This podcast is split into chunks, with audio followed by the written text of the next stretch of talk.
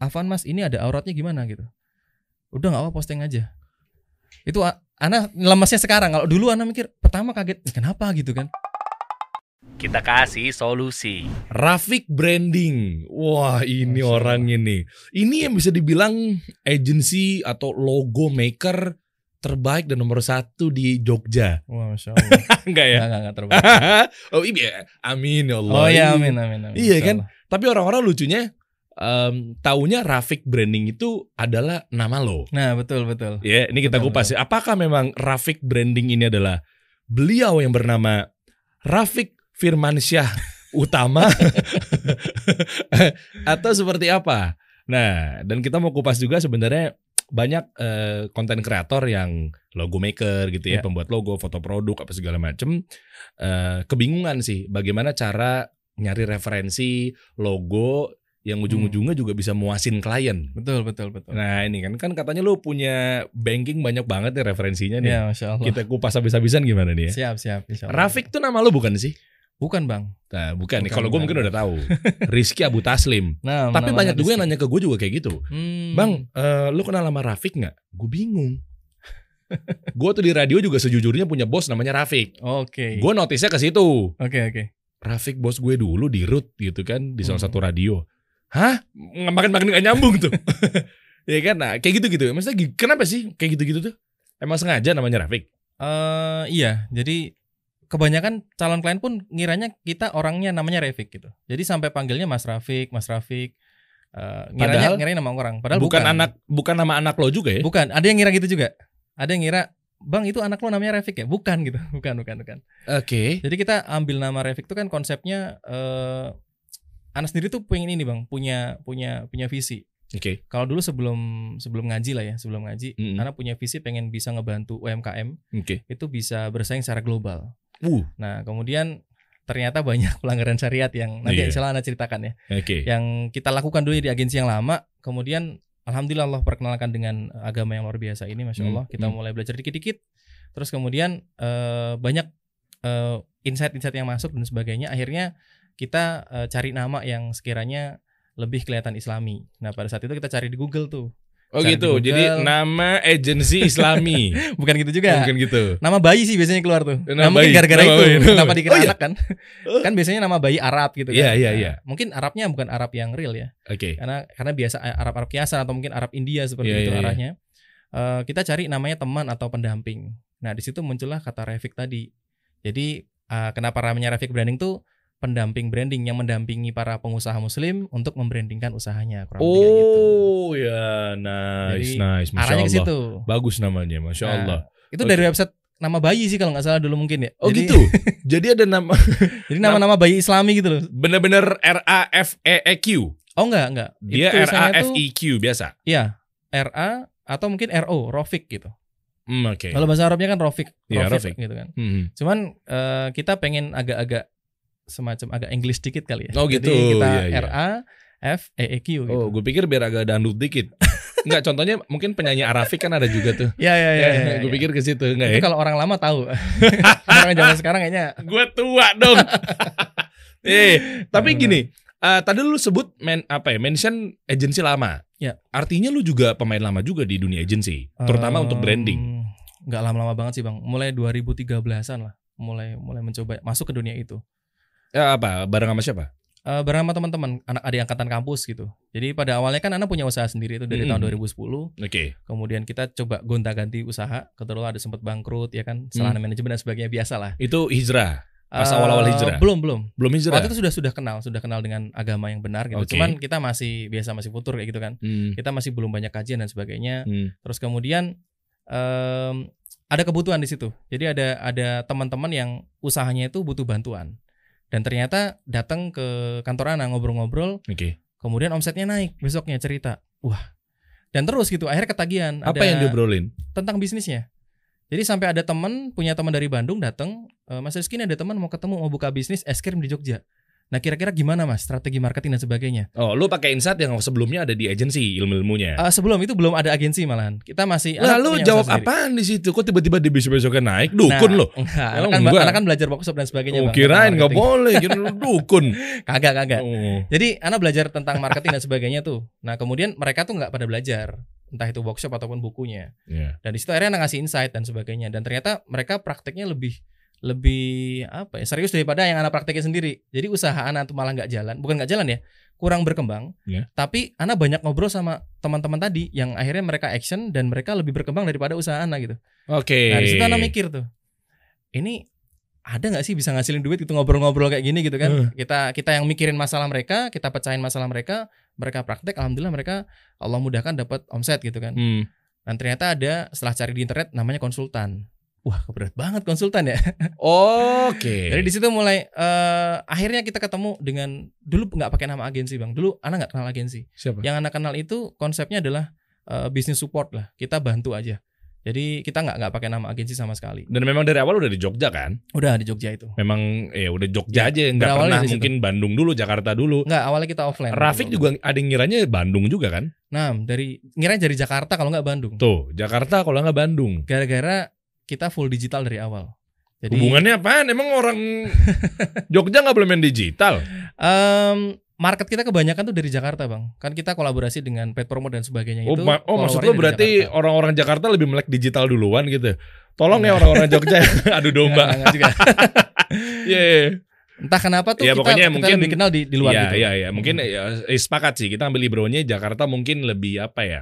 Eh, lebih lebih pengen aware duluan, pengen tahu. Betul betul ya betul. kan betul. digital walaupun tanpa mengurangi rasa hormat yang ada di Jogja Hmm. atau mungkin teman-teman yang Nah, lainnya ya. nah.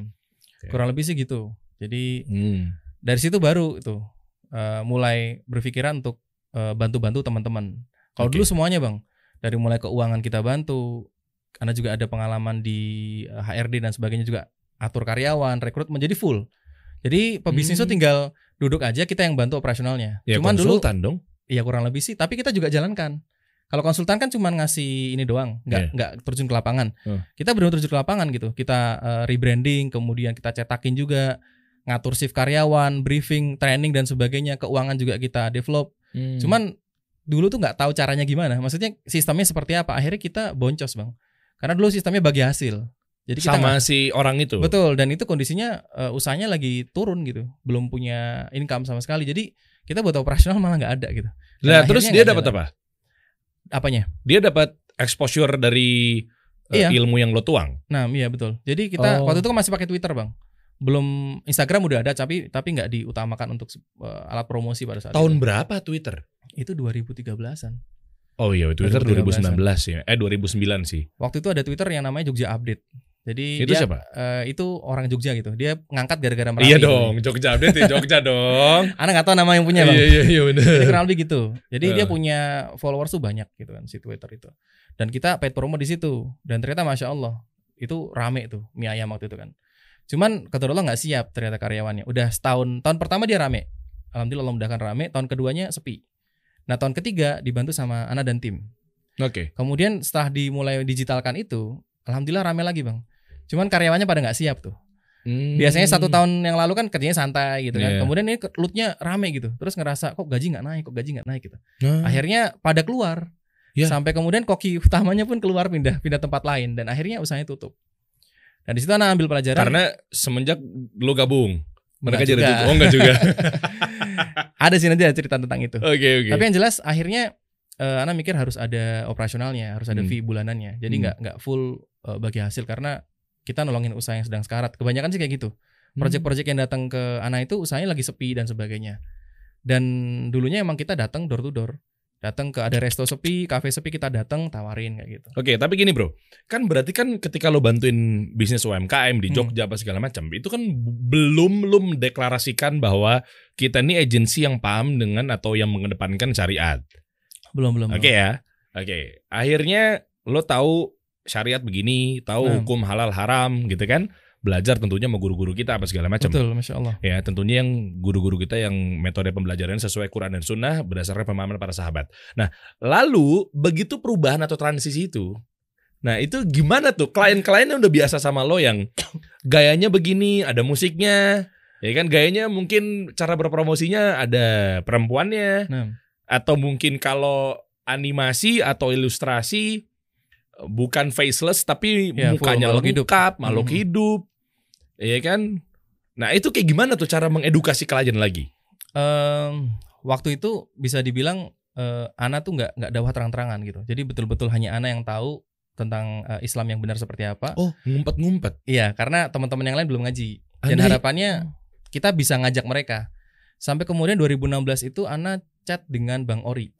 Telegram. Ori. Nah, masya Allah. Morian, Morian tuh. Ri, Tuh, kemarin gue teleponan sama dia 2 jam lebih tuh. Nah, Bang Ori itu bilang, eh, antum lebih baik keluar aja gitu. Uh, langsung didawain. Langsung suruh keluar. Lu siapa, Ri? Kurang lebih gitu. Kenapa? Karena nggak bisa antum di situ terus katanya. Masya Allah. Karena antum harus cari lingkungan yang sesuai gitu katanya gitu. Ana egois dong nggak percaya dong. Insya Allah Ana bisa bang gitu kan. Ana pengen dua teman Ana ini partner ikut ngaji juga. Jadi eh pengen sama mereka karena udah cocok banget gitu bang. Gerakannya udah kan antum tahu sendiri kalau udah klop sama seseorang kan susah nyari yang lain gitu kan. Pengennya sih sama dua orang ini ikutan paham eh, belajar tentang agama bareng-bareng terus kita bikin agensi yang syari gitu. Dulunya sih kayak gitu. Tapi kalau Allah nggak nggak nggak jadi gitu. Akhirnya Kenapa? Kenapa? Eh, nggak bisa nggak nggak nggak- nyatu bang jadi ah pasti banyak bentroknya di internal Nah, ini ini ini menarik nih. Artinya yang bentroknya itu adalah sama klien dong. Nggak sama internal. Jadi internal eh, dia bikin acara seperti ini seperti itu. Kita bilang jangan gitu. Akhirnya nggak nggak nggak jadi satu bang. Ya ganti aja timnya. kan partneran soalnya. Jadi eh, bisa dibilang kayak syirkah gitulah modelnya. Oh, berarti lu lebih takut sama partner lu ketimbang syariat Allah. bukan gitu Oh, bang. bukan. ya mungkin dulunya gitu lah. Astagfirullahaladzim. Nah akhirnya akhirnya gini. Akhirnya Allah tetapkan usaha Ana bubar waktu itu agensi Hmm. Bubar terus kemudian cuman ada beberapa klien yang masih nempel sama Ana Hmm. ada sekitar 2 sampai tiga klien lah Oke. dan itu kita kerjakan dengan tim yang yang mau ikut Ana dan timnya ini udah udah paham juga kurang lebih oh jangan ini jangan itu gitu cuman eh, tetap aja klien ini udah udah permintaannya macam-macam bang Hmm. nah kemudian padahal itu pengusaha muslim juga Hah? pengusaha muslim dan ketika Ana tanya eh Afan mas ini ada auratnya gimana gitu udah nggak apa posting aja itu Ana lemasnya sekarang. Kalau dulu Ana mikir pertama kaget "Ih, kenapa? gitu kan. Kenapa se segampang itu? gitu. Padahal ya mohon maaf berjenggot juga gitu. Iya kan gak jaminan. nah nah ke situ juga. Kita ngiranya kan wah ini berjenggot muslim kan berarti kan kurang lebih tahu lah masalah syariat. Gue dulu waktu jadi di ISIS teroris juga jenggotan. antum isis dulu? Iya, udah rahasia Kan umum jadi lah. pengen pulang Eh, udah dikunci kan pintu kan ya? waduh Kita jebak ya. ini dokter juga nih enggak ya Enggak maksudnya kan itu nggak jadi jaminan. Ya oke Nah, lah. nah, nah. Secara zohir memang iya. Tapi kan ya, nah inilah kendala-kendala para konten kreator tuh kadang memang kesulitannya seperti itu ya. betul betul Ya kan maksudnya coba gue dikubu di teman-teman muslim deh. Sehingga nanti ujung-ujungnya tuh sama klien bentrok. Ya Iya. kan? Terus dapat kliennya juga yang abu-abu. Karena ini ada aurat ya. Iya dan itu Kayak gitu-gitu kan kadang Um, kita rezeki ada maisha gimana nih? Ya betul gitu betul ya. betul itu pas itu belum nikah belum nikah sampai kemudian kan akhirnya karena ada klien nih Gang, Hmm. akhirnya kita putusin buat nikah. Jadi kita punya kontrak jangka panjang lumayan, Apa hubungan nih? ada income gitu, ada income yang jelas. Kan meskipun usaha bubar, ada project. Oke. Nah, jadi Maksudnya nah, tadi bingung gitu. gue kenapa pas ada klien terus lu nikah hubungannya apaan? Maksudnya tadi gitu, karena ada pegangan project gitu. Oke. Akhirnya kita nikah, bukan sama antum ya, mesti sama. Iya iya iya iya. Akhirnya anak Iya. sama istri menikah, Eh. kemudian kebetulan setelah satu bulan menikah itu semua klien tuh putus kontraknya bang. Iya. Jadi betul-betul eh, nggak ada project sama sekali. Anak juga nggak tahu tuh. Ala- Satu ada yang bangkrut usahanya, satu tiba-tiba ngilang, grupnya di delete dan nggak ada konfirmasi sama sekali. Jadi itu juga anak bingung juga jelasin ke istri pada saat itu. Jadi betul-betul kita yang tadinya ada pemasukan tetap itu drop. Betul-betul kita nggak ada nggak ada income. Sorry, berarti semenjak lo berpola dengan mengedepankan syariat. Nah sudah memulai itu Ustaz. Eh Ustadz manggilnya kan. Eh, Oh, enggak Ner. apa-apa. Santai, santai. Cie, langsung gitu, langsung gitu. Memang makanya Dery Allah- Enggak, enggak, enggak. Makanya Allah enggak jadikan gue ustadz ya. Fitrahnya begitu kayak ustadz. Iya, Masya iya. Allah. Masya Langsung Allah. gitu. Ade begitu. Jadi kurang lebih gitu. Kita udah mulai. Kita Anan bilang sama istri kan. Udahlah kita mulai edukasi klien pelan-pelan gitu kan. Wih, untung Eh, istri ngerti ya. Mulai memahami pada saat itu. Jadi Oke. coba aja. Tapi ternyata sebelum kita masuk ke sana itu Allah udah udah kayak udahlah gitu kan. Hah? Eh, bener-bener dibangkrutin gitu. Jadi betul-betul kita nggak ada income. Sampai kemudian anak jualan tahu bang di Oh. awal. Anak jualan tahu tahu aci dari Tegal tuh. Hmm. Anak kan orang tua di Tegal ya. Iya. Jadi kita cari resepnya, kita bikin, kita titip-titipin gitu. Jadi itu baru satu bulan menikah. Yang tadinya itu kebayangnya nanti masya Allah seperti apa, tapi kalau Allah tetapkan, anak mulai dari bawah lagi. Itu setelah menikah. Kalau dulu kan biasa kalau sendiri kan nggak makan nggak masalah ya bang. ya. Cuman Hmm. kalau sekarang kan udah nikah itu kan harus ada istilahnya uh, nafkah Iya. yang kita berikan dan sebagainya. Tapi ya ya udah gimana lagi kan kita nggak bisa paksain klien-klien ini untuk tetap jalan sama kita. Nah di situ akhirnya anak putusan buat kerja awalnya. Anak kerja sama orang di bagian marketing pada saat itu. Cuman anak kan udah terpola tidak pengen kerja sama orang selamanya. Anak bilang jadi konsultan marketing aja. Anak bikin tim dan sebagainya, anak jalankan. Nah agak lama di situ, Qadarullah itu ada sesi pemotretan. Ini usahanya paintball, wahana paintball gitu. Hmm, Oke. Ada sesi pemotretan orang luar, si owner nih dateng. Mas Rizky, kok yang kemarin nggak diposting gitu? Nah sementara pas lo cek ternyata fotonya Aurat. Udah aurat tuh ke mana-mana lah pokoknya gitu kan. Nah di situ Aduh berat sontak anak responnya gini bang, langsung saya nggak berani mas, takut masuk neraka gitu. Mantap. Jadi Iya antara mantap, tapi pandangannya dia tuh kayak kayak kesannya, oh berarti gua dong yang masuk neraka gitu kan? Itu anak serasa, aduh ya Allah, kayaknya salah deh maksudnya. Enggak lu juga kenceng banget sih Ki. Enggak maksud gue juga jangan kenceng-kenceng banget. Maksudnya lu juga jangan langsung kayak Mas neraka mas. Maksudnya yang nentuin kita juga kan Jangan kenceng segitunya. Maksudnya anaknya gitu, anak Eh, saking, iya, cuma saking kan- takutnya kan. Iya, Tapi kan dia Nah, langsung mikir Oh tuh. anda ulama? Kan takutnya kan Nah, begitu abis itu, abis itu, anak putusin untuk keluar dari situ. Karena takutnya makin lama di sana tuh kan di sana banyak kemungkaran terus terang bang, banyak kemungkaran yang anak nggak bisa rubah. Sejujurnya memang oke lah lo lo ngasih keputusan seperti itu. Tapi Hmm. maksud gua mungkin betul. Wah ngeri nih takut masuk neraka apa segala macam. Cuma Hmm. mungkin waktu itu kebetulan yang lawan bicara lo. Ya. Eh, mungkin masih jauh tuh. Betul betul. Betul, ya, betul, ya. betul. Walaupun itu udah benar Rizky bilang Nah. seperti itu dalam artian, cuma kan mungkin yang lawan bicaranya itu makanya sih, wow, langsung gitu kan. Nah itu dia bang, anak ngerasa kayak, waduh nggak nggak pas nih. Maksudnya lalu eh, takutnya makin nasihatin makin nggak enak gitu kan, makin Hmm. banyak nolaknya dan sebagainya. Akhirnya kita eh, ajuin resign dan akhirnya ya udah baru berapa lama kerja? itu udah sampai anak lahir bang itu bang. Jadi setahunan lah. Emang selama setahunan itu nggak ketemu pelanggaran-pelanggaran syariat pas lo posting? Ya ada sih bang, cuman nggak se ekstrim itu. Kalau itu kan oh jadi betul-betul jadi kalau yang kelihatan tapi nggak terlalu pakai kebuka nggak ekstrim. ya nggak juga sih bang, Oh. ekstrim juga. Cuman intinya pada jadi masih kan, nggak apa-apa. ya nggak juga nggak bukan nggak apa-apa, Hmm. tetap aja terlarang kan. Tapi mau nggak mau lu posting. Nah karena waktu itu kan emang nggak enaknya ikut orang kayak gitu bang. Jadi ada rules yang yang kita nggak bisa atur sedemikian rupa gitu. Dan akhirnya ya udahlah kita total kita keluar, terus kemudian Ana iseng bikin logo gitu. Maksudnya postingan-postingan tentang logo Ana upload di Instagram. Oke. Nah Ana izin sama istri tuh, ini Ana bikin agensi lagi ya gitu kan. Istri langsung kayak kamu mau ngapain lagi sih mas?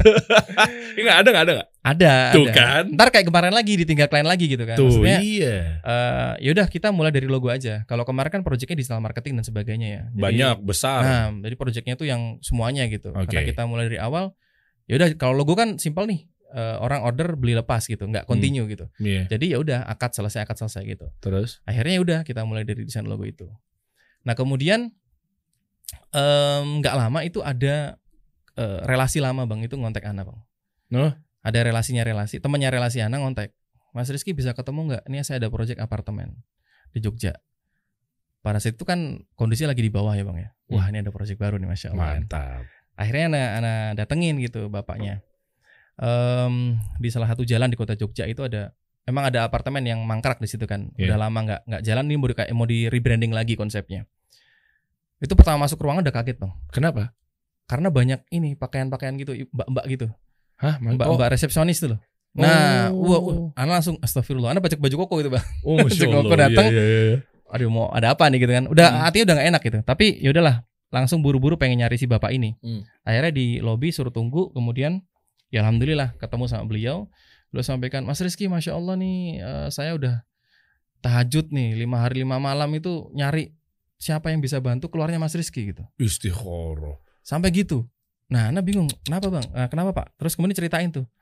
Dia minta eh, Ana jadi tim beliau di situ untuk rebranding apartemen itu. Mau digarap sendiri boleh mau bikin tim di luar boleh, in house di sini terserah. Yang penting Mas Rizky yang pegang gitu. Masya Allah. Itu saking ya mungkin udah percaya sama Ana gitu bang. Iya. situ. Nah, Ana denger briefnya lagi terus, Ana perhatiin kan sampai di mana beliau menyampaikan bahwa maskotnya nanti untuk semua media promosi dan sebagainya itu penari Jawa dengan kemben. Itu kayak udah Ana tuh udah udah gini bang, udah betul-betul, masya Allah nih proyek besar, proyek besar kan, istri lagi hamil itu. Wah buat anak nih insya Allah nih. Aduh, ya Habis itu Allah. kebetok di situ bang, tek. Itu anak udah kayak blank gitu bang. Ngobrol tuh kayak bapaknya ngobrol, anak kayak terus ini terus ini mau di mau diakalin gimana gitu kan? Sampai kemudian akhirnya eh anak percepat ngobrolnya. Baik pak nanti saya diskusikan dengan tim gitu. Anak. Padahal kan juga nggak ada tim sih. Anak bilang tim dengan istri kan maksudnya. Jadi itu bohong. Ada tim istri pak. Oh iya. Kemudian akhirnya Bang Dery ini mancing-mancing ya. Loh kan gue nanya. nah, nah, dengan tim. Kecuali gue justifikasi. siap siap siap. Langsung trust. Lu statement ini kan gue nanya. dengan istri. Oh, istri. tim. Ya, Sampai sekarang pun tim. anak timah dengan dengan istri. Jadi anak balik, anak bawa brosur tuh. Dan itu ternyata nggak cuma satu bang. Ada lima tempat yang lain akan digarap juga sama bapaknya. Dan itu ngajak anak juga. Jadi bisa dibilang ada enam proyek besar yang akan masuk pada saat itu. Kenapa lo panik? Itu kan cuan miliaran. Ntar dulu, ada tadi bang yang masalah itu. Masalah yang pertama Yang- adalah maskot tadi. Maskotnya soalnya buka aurat ada kembennya. Betul betul. Dan itu mintanya di semua materi. Dan anak udah kebayang nanti videonya kayak gimana. dan Ngomong baik-baik nggak bisa bilang, Pak ini saya ada ide begini begini begini. Nah, abis itu. Nah, ya ini kan? kali nih yang mau Nah, ditunggu-tunggu nih. Anda bilang ke istri kan, ini ada mau calon project nih besar. Istri udah seneng kan mukanya tuh sumringah gitu kita pulang. Habis Anda bilang, tapi ada potensi pelanggaran syariat. Dan di situ mukanya berubah. Jadi jadi datar lagi kan. Kalau gitu ya udah cari yang lain aja. Jadi masya Allah itu bang. Anak yang tadinya mungkin agak-agak ragu ya. Pada saat itu kan masih masih ya kita baru memulai nolak bang. Jadi em, tapi dikuatkan masya Allah sama istri. Ush. Udah kalau kalau itu cari yang lain aja. Hmm. Tapi kalau mau tanya aja, bisa nggak pakai syarat. Nah di situ pertama kali mulai muncul ide buat bikin syarat di depan. Hmm. Jadi akhirnya kita list tuh kan, kita list apa aja persyaratannya dan sebagainya. Terus kita sampaikan tuh. Eh, Bapaknya tuh akhirnya ngontek lagi, Mas kapan kita mulai gitu. Hmm. Jadi udah ngomongin nggak ngomongin harga lagi bang, udah betul-betul udahlah sama Mas Rizky udah percaya gitu. Masya Allah. Nah kita akhirnya kita sampaikan tuh, karena udah eh, balasnya Aduh. gak lama gitu kan. Nah, mohon maaf pak kalau misalkan mau kerjasama dengan saya, saya insya Allah bisa bantu tapi syaratnya ini, anak satu dua tiga empat lima dan Aduh. sebagainya itu. Dan habis itu bapaknya agak mengetik gitu kan, mengetik gitu kan. Eh? Nah, terus kemudian beliau jawab, ini kena semua mas, dia bilang kayak gitu. Kita pakai musik lah, kita pakai perempuan lah, kita pakai perbankan juga harus muncul dan sebagainya. Akhirnya kan nggak, udah nggak bisa, udah mentok di sana tuh. Jadi gun. Gan, Aduh. Jadi kayak ya udah gitu aja. Aduh ngilu ih maksudnya guys konten kreator ya maksudnya eh ya itulah memang Ya. kendalanya memang harus ada satu wadah Betul. yang bisa dibilang kalau kita mau nyari handphone kita kadang mau ketok handphone kalau kita lagi nggak pengen ketemu di pinggir jalan tuh Nah. oh ternyata di depan komplek kita ada kios handphone Hmm, tapi kalau kita lagi pengen nyari handphone ah cari-cari tuh belum tentu ketemu Ya. tahu ya kayak gitu-gitu ya Hmm, nah tapi ketika memang ada wadah yang namanya kalau di Jakarta ITC bro nggak tahu di Jogja ada nggak? Di Jogja ada sih Jogja Pon Market namanya. Iya, ya Hmm. Trade Center I-nya gue lupa deh. Iya. Nggak tahu Indonesia, nggak tahu India gitu. Kita kan nggak tahu, ya Iya. kan. Nah, terus akhirnya kita langsung ke ITC aja. Hmm. Nah, memang ada harus satu wadah yang memang eh kalau mau nyari sesuatu, mau ketemu sama klien, klien pun juga nyari kreator, kreator pun juga berharap, ya Allah, gitu kan. Mudah-mudahan dengan ikhtiar ini gampang pengusaha atau klien masuk nyari kita nih, gitu-gitu Hmm, kan Betul betul. itulah sebetulnya memang yang lagi kita telaah dan amati saat ini. Ya, Masya Allah. Wah, itu sih memang. Jadi sehingga yang kayak gini-gini kan sayang ya. Ya. Orang udah trust, taunya pelanggaran syariat. Kenapa nggak langsung demand sama supply-nya ditemuin? Nah betul tuh. Iya kan? Muslim, muslim. Paham syariat, paham syariat. Boom. Iya. Terus akhirnya jadi gimana? Akhirnya setelah itu, em Ana diajakin sama sama temen untuk Iya. kita bikin agensi yang syari. Jadi tuh Tapi- tuh udah selesai tuh ya? Eh, sudah selesai. Si bapak itu ya? Bapak itu udah udah kita garap lagi lah. Karena ada mungkin. musiknya kita iya, kemben kita juga Oh, iya. Semua bang. Nanti ribawi juga dimunculkan dan sebagainya gitu kan. Wah, berat kena juga. semua. Kena semua. Aduh, ngilu. Akhirnya banget. kita kita coba. Yaudahlah jualan logo lagi aja. eh, normal gitu. Kita jualan dapat klien beberapa nggak masalah. Eh, ada tawaran dari teman untuk kita bikin baru Hmm. dengan nama yang baru. Waktu itu namanya itu Janating kalau nggak salah. Janating. Nah, jadi berpikir tentang surga Janating. Oh, Janah Thing. Tapi kita Oh, hilangin hanya waktu itu kan asal-asalan anak Jadi- muda asal bikin nama. Janating. Betul. Oke. Nah di situ kita nggak munculin syari'i di depan bang. Jadi kita nggak munculin syari'i sama sekali. Cuman di belakang ada peraturan perusahaannya, kayak rulesnya gitu, tanpa ngomongin syariat sama sekali. Contoh, contoh. Kayak kita nggak pakai musik ganti suara alam gitu. Tapi nggak kita jelasin kenapa. Oh, jadi ada masalah kasih solusi. Ya kasih solusi Iya kan? betul. Betul Kasih solusi ini kan. Kasih solusi. Ada masalah kasih solusi. Betul betul. Kita nggak pakai gitu. musik ya, tapi solusinya Iya ini. kurang lebih gitu. Itu Kemudian bagus. ada kita nggak pakai perempuan dan sebagainya. Jadi kita nggak ngomongin Solusinya? waktu itu ya pokoknya nggak pakai perempuan gitu kan. Oh, kita nggak Nah. pakai model-model buka aurat. Jadi kita munculin yang perempuannya pakai jilbab. Nggak juga. Oh, enggak. Nanya, betul-betul. nanya, nanya. Ini kan nanya. Mancing lagi. Iya, Enggak iya. bang, udah dari awal udah enggak kalau Oke, oke, oke. udah total. Eh, waktu itu Ana berpartner sama temen yang yang belum ngaji bang. Tapi beliau mau ngikutin Ana. Oh, mantap. Tapi nggak mau ngomongin syariat. Dah? Ngom yang ngomongnya rules aja Oh, iya, gitu. iya, iya, Kreatif oh, rules iya, lah iya. nyebutnya. Oh, sorry gue dengernya nggak mau peduli sama Oh, syariat. enggak, Iya, enggak, iya, iya. enggak. Peduli tapi eh, nggak mau ditampilkan gitu. ya, oke. Akhirnya kita dapat beberapa klien dengan cara yang sama, kita presentasi dan sebagainya. Di ending itu baru ada rulesnya. Nah, eh, mayoritas klien tuh kita nggak ada yang deal bang. Entah karena itu atau bagaimana, Allah alam mana nggak tahu. Cuman klien yang kita presentasi langsung itu ada resto yang itu bule semua isinya di Prawiro Taman atau mana gitu. Dia tanya, ini kalau nggak boleh upload ini gimana? Kenapa nggak boleh upload musik? Nah ini kan yang jawab teman Ana nih. Dia tuh kan bukan orang yang tahu tentang syariat. Jadi Hmm. nggak jawabnya ya, ya kita kreatif aja gitu. Kemudian nggak pakai perempuan, ya kita nggak mau eksploitasi wanita gitu. Jadi jawabannya tuh ngambang semua dan itu akhirnya si mbak yang ini lirik Ana kan. Oh mungkin gara-gara mas ini kayaknya nih Biang keladi Perasaan pres- presentasi di awal nggak ada kayak gitu soalnya Kan Oke. kita Ana masuk kan baru setelah presentasi Iya, akhir akhirnya pitching, taunya dia suka. Nah, di pertengahan mau masuk ke SOW, scope of work dan lain-lain Iya. baru ketahuan. Baru ketahuan Dan di situ Aduh. mulai Akhirnya nggak ada yang deal gitu Wah ini nggak jalan ya Ana Udah, mikir gone lagi udah. Gone lagi Akhirnya Ana putuskan Udahlah Ana bilang di awal aja Maksudnya em, Declare. Declare Ana harus declare gitu Hmm. Bukan karena Kita So Islami ya enggak sama Hmm. sekali Hmm. Yang yang pertama tuh Kita takut dapat project yang melanggar syariat Hmm. Yang kedua Udah sampai jauh-jauh Udah cocok Ketemu rules di belakang nggak jadi gitu Nah, ini ini ini positif negatif. Ini penting nih sih ya. Kita Hmm. bahas dikit ya. Eh, ini dari sudut pandang gue lah. Memang dua-duanya nggak salah. Hmm. Nggak declare nggak salah. Declare pun juga nggak salah. Ada yang memang alus-alus, taunya di dalamnya itu em, apa ya? eh, tidak ada pelanggaran syariat. Iya. Ada juga yang declare di depan. Betul Ya kan? Nih, kayak misalnya kita bilang bahwa ini begini no music, no ini apa segala macam. Hmm. Dua-duanya sih sah-sah aja. Nah, cuma yang harus perlu diperhatikan kalau dari sudut pandang gue, misalnya sudut branding, marketing gitu ya. Em, kalau memang mau declare apa nggak declare, kalau udah declare udah nggak usah dibahas lah ya, udah Iya. ketahuan deh. Hmm. Tapi kalau yang di kubu nggak declare atau nggak deklarasikan bahwa lo adalah satu agensi atau kreator yang memang eh, tanpa ada pelanggaran syariat, Iya. gitu kan? Misalnya, ya cuma skillnya aja sih titip di Nah mantapkan gitu. Soalnya ketika memang ketemu klien yang seperti itu, Hmm. taunya coba Mas ini nggak pakai ya, oke. Solusinya kayak gimana? Nah itu dia Nah, tuh Taunya burung lagi, burung lagi.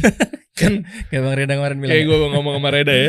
Taunya gitu lagi, Betul, gitu betul, lagi. betul, betul. Dan gak cuma sekedar back sound doang, maksudnya permainan cut, Hmm. scale scalingnya, misalnya kalau dibutuhkan, Hmm. glitchnya, transitionnya itu juga diperhatikan. Nah, nah. Sehingga begitu orang melihat, oh iya, nikmat ya. Nah, kayak gitu kurang lebih kalau untuk bahas video ya. Iya, kalau untuk logo betul. mungkin lo lebih expert gimana? Ya kurang lebih sih kayak gitu ya. Jadi Hmm. berkaitan dengan eh, kalau antum tadi bilang eh, tidak declare tadi Hmm. berkaitan dengan kualitas karya sebetulnya. Nah, Jadi ada beberapa teman kita juga yang beliau udah ngaji tapi masih kerja di perusahaan yang eh, umum lah istilahnya. Cuman project yang dia kerjakan itu aman dari pelanggaran syariat dan Hmm. perusahaan mau, mau ngikutin gitu. Itu Oh. semua karena karena karya dan Nah, karena karena level skillnya dia. bisa ya? Jadi itu bisa kalau udah levelnya udah cukup lah ya. Kalau kita baru mulai startup, tahu tahu kita nunjulin karya kan sulit bang. Jadi mau nggak mau kita harus eh, kalau nggak kalau kalau berani kayak kayak Ana Rafik itu kan declare ya. Itu tapi prosesnya panjang banget dan itu Iya iya iya. kita banyak nolakin klien gitu. Soalnya mesti trust dulu kalau lo udah declare. Nah betul. Setidaknya klien, ah udahlah nggak apa-apa lah Rafik nih misalnya. Hmm, hmm. Dan itu prosesnya panjang. Jadi daripada kita edukasi kalau kemarin Bang Esa bilang capek edukasi dan sebagainya mending ya cari kasih solusi aja gitu. Kalau misalkan langsung jadi kita newbie ini bisa langsung dapat project gitu, Bang. Iya iya iya. Dan nggak iya. ngelanggar syariat. Iya. Kurang lebih sih kayak gitu. Masya Allah, coba tolong kamera diarahkan ke sana gitu ya. Maksudnya, insya Allah memang kasih solusi ini adalah bisa menyatukan dan mempertemukan, membantu juga para UMKM Muslim Nah, ketemu sama konten kreator. Yang dua-duanya insya Allah juga kalau lu mau pakai aplikasi kasih solusi, sekarang belum bisa kita deklarasikan karena belum launching. oh belum launching ya? Belum launching, sengaja Oh, nih, oke. belum. Ini baru bisa secara testernya doang. Oh, Masya Allah. Misalnya kayak gini guys. Nah, masuk di dalam sini. Nah, begitu dia masuk, nih gue ulang ya. Begitu dia masuk, lu tinggal pilih. Tuh, misalnya ada apa aja, logo. Hmm. Misalnya juga ada eh, fotografi Oke, dan lain-lainnya. Nah, tinggal pilih tuh. Jadinya kayak lo, lo pada gini, insya Allah nggak ketemu yang begitu-begitu tuh. Ya nggak perlu capek-capek tadi ya. Dan nggak perlu tadi ngilu-ngilu tadi. iya, iya. sayang banget loh udah ketemu project ke Nah, depan Masya mata Allah. ya kodar Hmm. Allah ya kayak gitu-gitu jadi kalau newbie ya paling gampang langsung masukin portofolionya di Betul, betul. aplikasi kasih solusi Nah, biar yang declare kasih solusinya. Iya. Jadi kita kita tonjolin karyanya aja gitu kan. tapi graphic branding ada di sini juga kan oh, udah nggak perlu nanya itu, Bang. mantap mantap mantap iya ya Insya Allah, insya Allah. Insya Allah deh di sini kan banyak juga ya macam-macam lah Oke, mau oke. langsung paketan sama graphic branding juga bisa Hmm. Sebenarnya kan untungnya gini ya, kalau ada seperti ini kayak Shopee, Tokopedia, Gojek, Hmm. Grab gitu-gitu ya. Sebenarnya kan kenapa mereka rame untuk masuk ke dalam? Kan insya Allah ya, semoga Allah mudahin ya. Kan Hmm. lu nggak perlu bakar duit, kita yang bakar duit. Ya, betul. Betul. Iya kan? betul. Ini kita jujur-jujuran aja ngomong nih. Hmm, hmm, hmm. Kita yang bakar duit, empot-empotan, naikin di YouTube Ads, Hmm, Google Ads, IG Ads gitu kan. Kita bikin produksian lagi videonya. Nah, otomatis kalau ada ini, oh adanya ini namanya ya, download aplikasi. Kan call to action gitu. Iya. Ya kan pas download taunya ketemu graphic branding, Hmm. ketemu Hensa misalnya, Allah, ketemu Reda, itu kan dan lain sebagainya mungkin nggak bisa disebutin satu persatu kan. Iya. Kayak gitu tuh pentingnya tuh. Menurut lo seperti apa nih buat para para mereka mereka yang baru memulai nih? Referensi deh.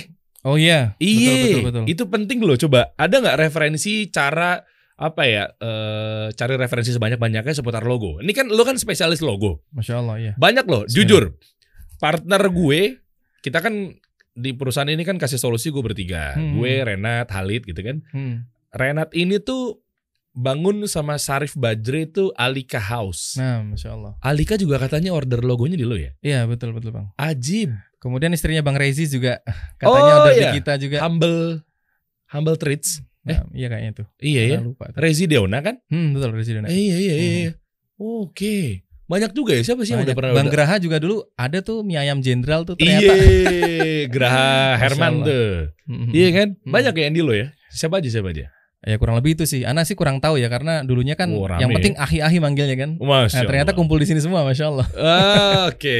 Baru ketemu orang-orangnya. Iya Hmm. iya iya iya. Nah kemarin tuh Bang Enza sempat bahas masalah pentingnya referensi bagi seorang desainer. Iya. Jadi Ana juga sering bilang sama tim sih. Ana bilang sama tim, kalau kita nggak sering makan referensi, orang kreatif tuh makanya referensi orang kreatif. Setuju. Jadi kalau kita nggak banyak dapat referensi, hasil kita gitu-gitu mulu gitu, nggak ada peningkatan. Makanya ada istilah ATM ya. Betul, betul. Amati tiru modifikasi, Hmm. tapi modifikasi yang benar. Juga jangan asal modif-modif dong, Tamiya lu kata.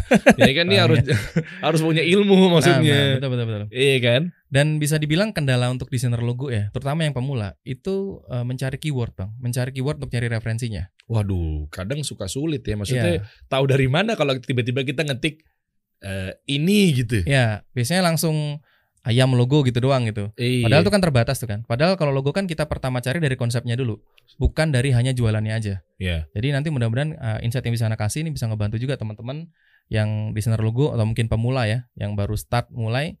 Ini cara-cara uh, shortcutnya untuk mencari referensi untuk bisa ngebantu teman-teman bisa mudah lebih lebih mudah untuk bisa mengerjakan logo dari klien. Ah, ih, mantap Rafik branding. Coba tampilin dong, gue penasaran nih. Kita kasih solusi.